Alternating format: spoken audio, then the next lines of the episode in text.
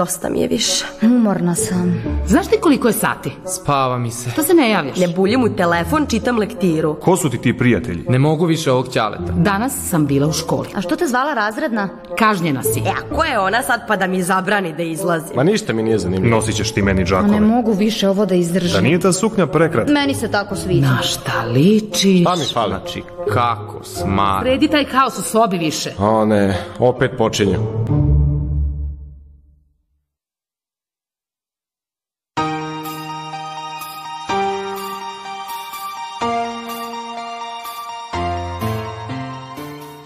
Koliko ste puta slušali roditeljsku pridjeku misleći o nečemu potpuno drugačijem?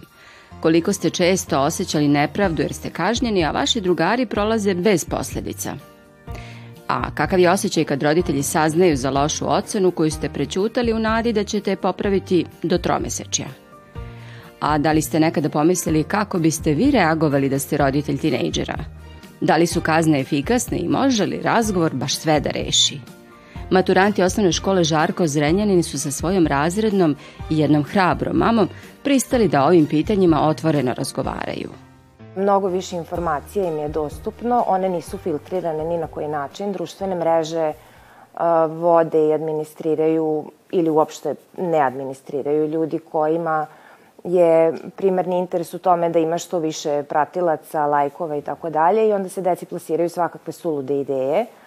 Um, sve to uz laku dostupnost alkohola i cigareta u svakoj prodavnici gde se dete ni ne pita za koga kupuje, da li kupuje za sebe, koliko ima godina i tako dalje. Mislim da su im izazovi e, baš onako na dohvat ruke. Pored toga i nezdrava hrana, brza hrana na svakom ćošku, energetska pića i tako dalje. Sve je to m, nešto što jednostavno roditelj nije u stanju da kontroliše čim dete izađe iz kuće. Samo nekako ostaje da se uzdamo u to da smo dobro odradili posao dok je dete bilo kod kuće i dok smo pričali, pričali, pričali. Oni negde misle možda da su ispunjeni i da su srećni, a s druge strane e, mi stariji vidimo da to baš i nije takva situacija. E, nekako se malo i mi sklanjamo, e, nemamo, nemamo čak ni neke mehanizme kojim bi mogli to takvu jednu situaciju da promenimo, mada mislim da treba da se konačno malo više društvo pozabavi e, tom tematikom. Mi koji možemo možda ponajviše da utičemo na ponašanje daš naše dece, mislim da bi trebalo da se zanemare te neke formalnosti koje su unazad godinama prisutne u školstvu, a da se više obrati pažnja na e, sam taj razvoj, mentalni razvoj dece.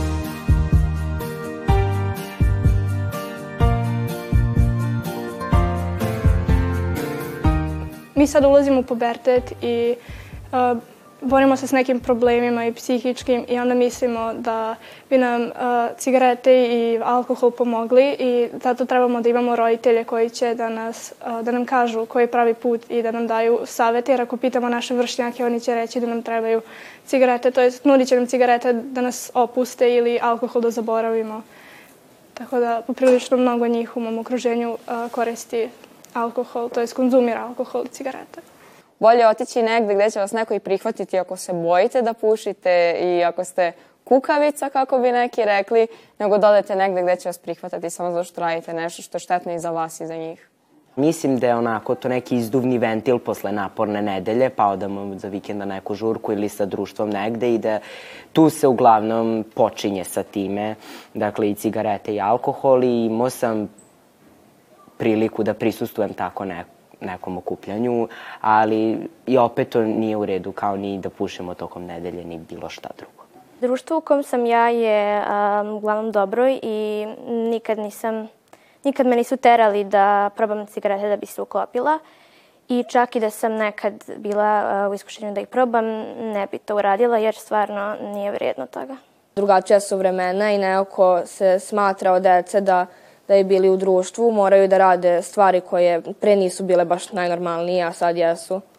Poput raznih žurki. Najčešće piju noću i tad valjda najlakše i nabavljaju, a i najviše izlaze napolje. Što se mog društva tiče, mi ne pušimo, ne pijemo, tako da se meni ne nudi alkohol, ali kad bi mi se ponudio, definitivno bi ga odbio.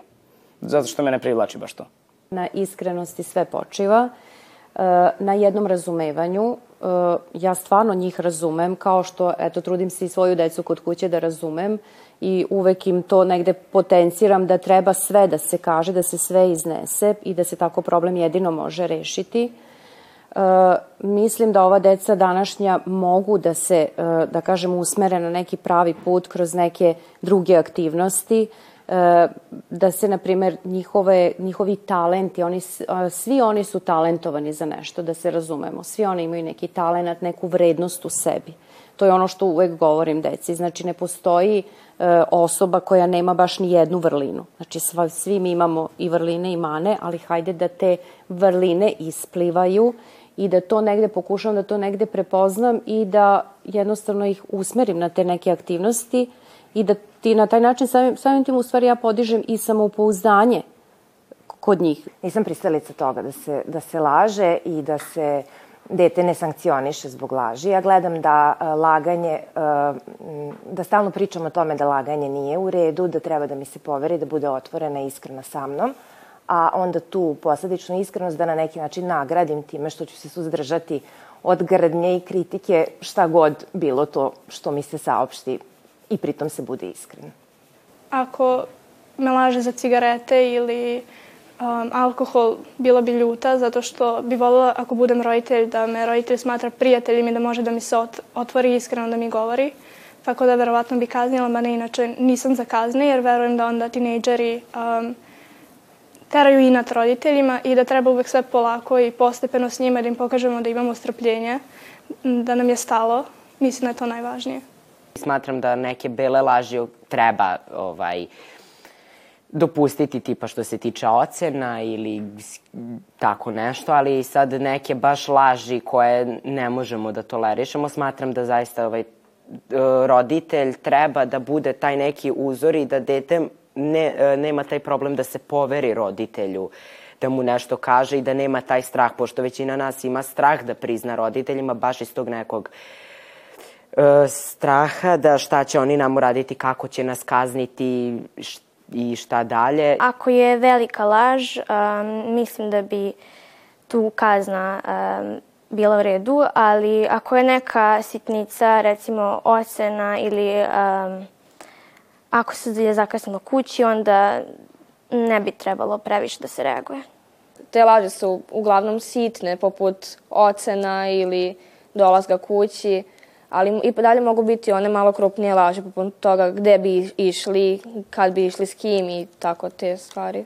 Mislim da je laganje, iako ja često radim loše, i da treba biti iskren sa roditeljima s uslovom da ne kažnjavaju previše mnogo bolje da se odmah sve prizna nego da se prećuti ili da se slaže. E, iz čistog razloga zašto roditelji treba da znaju ako je neka veća laž, dok ove ocene i to sve, to nije jako strašna laž i to može da se prećuti nekada.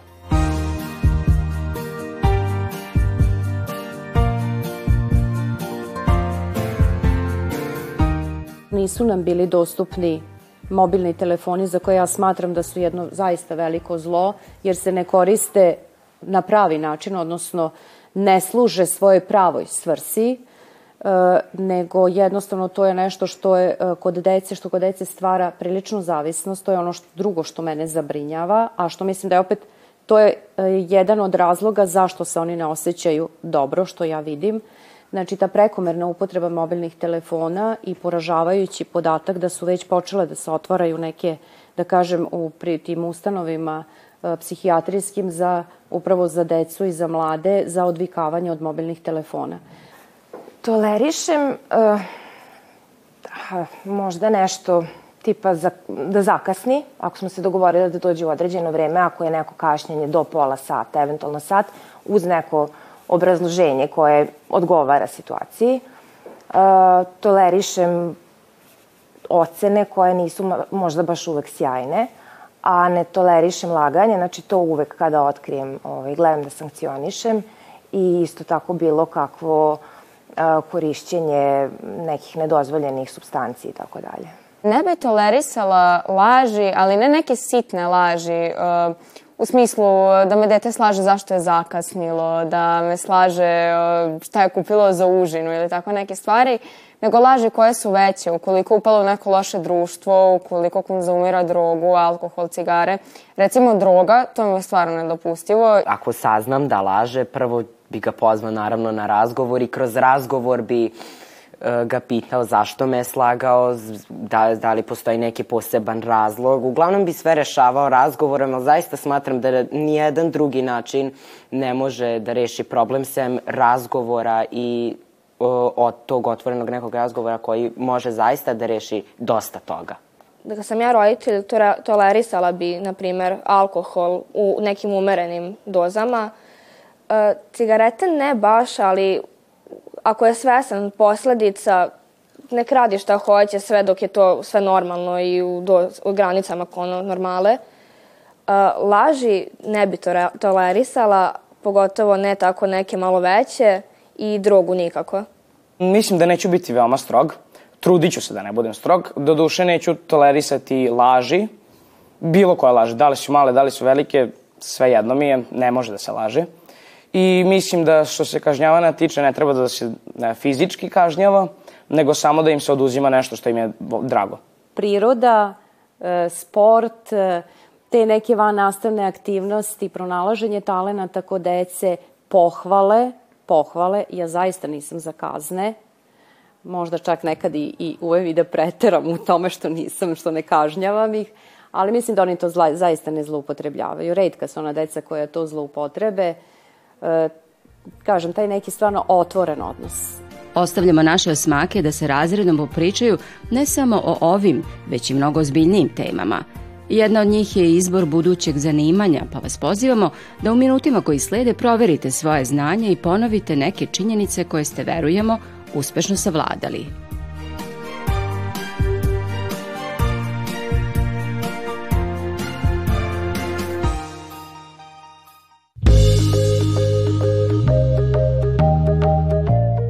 Koji od navedenih procesa koji se odvijaju na zemlji ima suprotan smer od ostalih? Disanje, isparavanje, kondenzacija, transpiracija. Tačan odgovor, kondenzacija.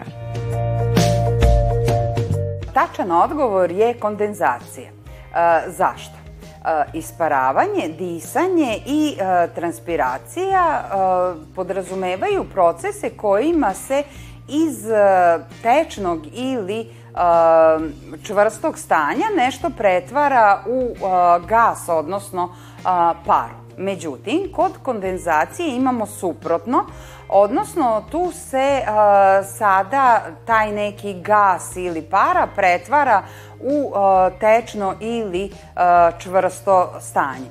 Kondenzacijom vodene pare u atmosferi stvaraju se oblaci. Iz tih oblaka dobit ćemo kišu, i e, zahvaljujući e, kiši voda ponovo dolazi do površine zemlje. I kondenzacija u stvari predstavlja jedan od ključnih procesa kruženja vode u prirodi. Isto tako imamo i rosu, to je isto oblik kondenzacije kada vlažan vazduh do, preko noći dođe u dodir sa hladnim površinama, dobijamo rosu.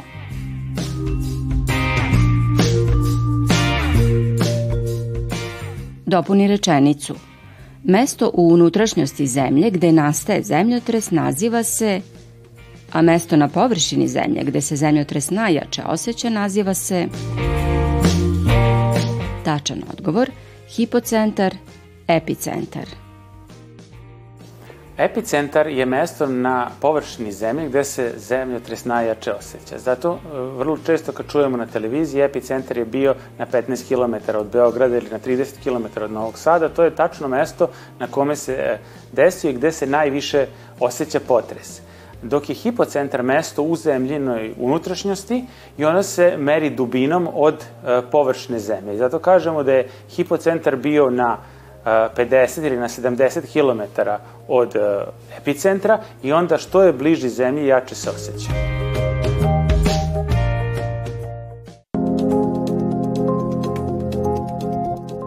Muzej 21. oktobar se nalazi u Beogradu, Novom Sadu, Kragujevcu. Tačan odgovor Kragujevcu. Muzej 21. oktobar nalazi se u Kragujevcu u spomen parku Kragujevački oktobar. Muzej je posvećen stradalim žrtvama koje su stradale 21. oktobra 1941. godine od strane Wehrmachta ili ti nemačke vojske. Ono što je specifično kod muzeja jeste da simbolizuje razne stvari u tom stradanju, kao što su 30 kula koje su građene od crvenih cigli i predstavljaju njihovu prolivenu krv. Takođe, te kule nemaju ni prozore ni vrata i predstavljaju bezizlaznost situacije tih nedužnih Kragujevčana. Takođe, na vrhovima tih kula nalaze se providne kupole i one predstavljaju poslednji pogled stradalih Kragujevčana u nebo.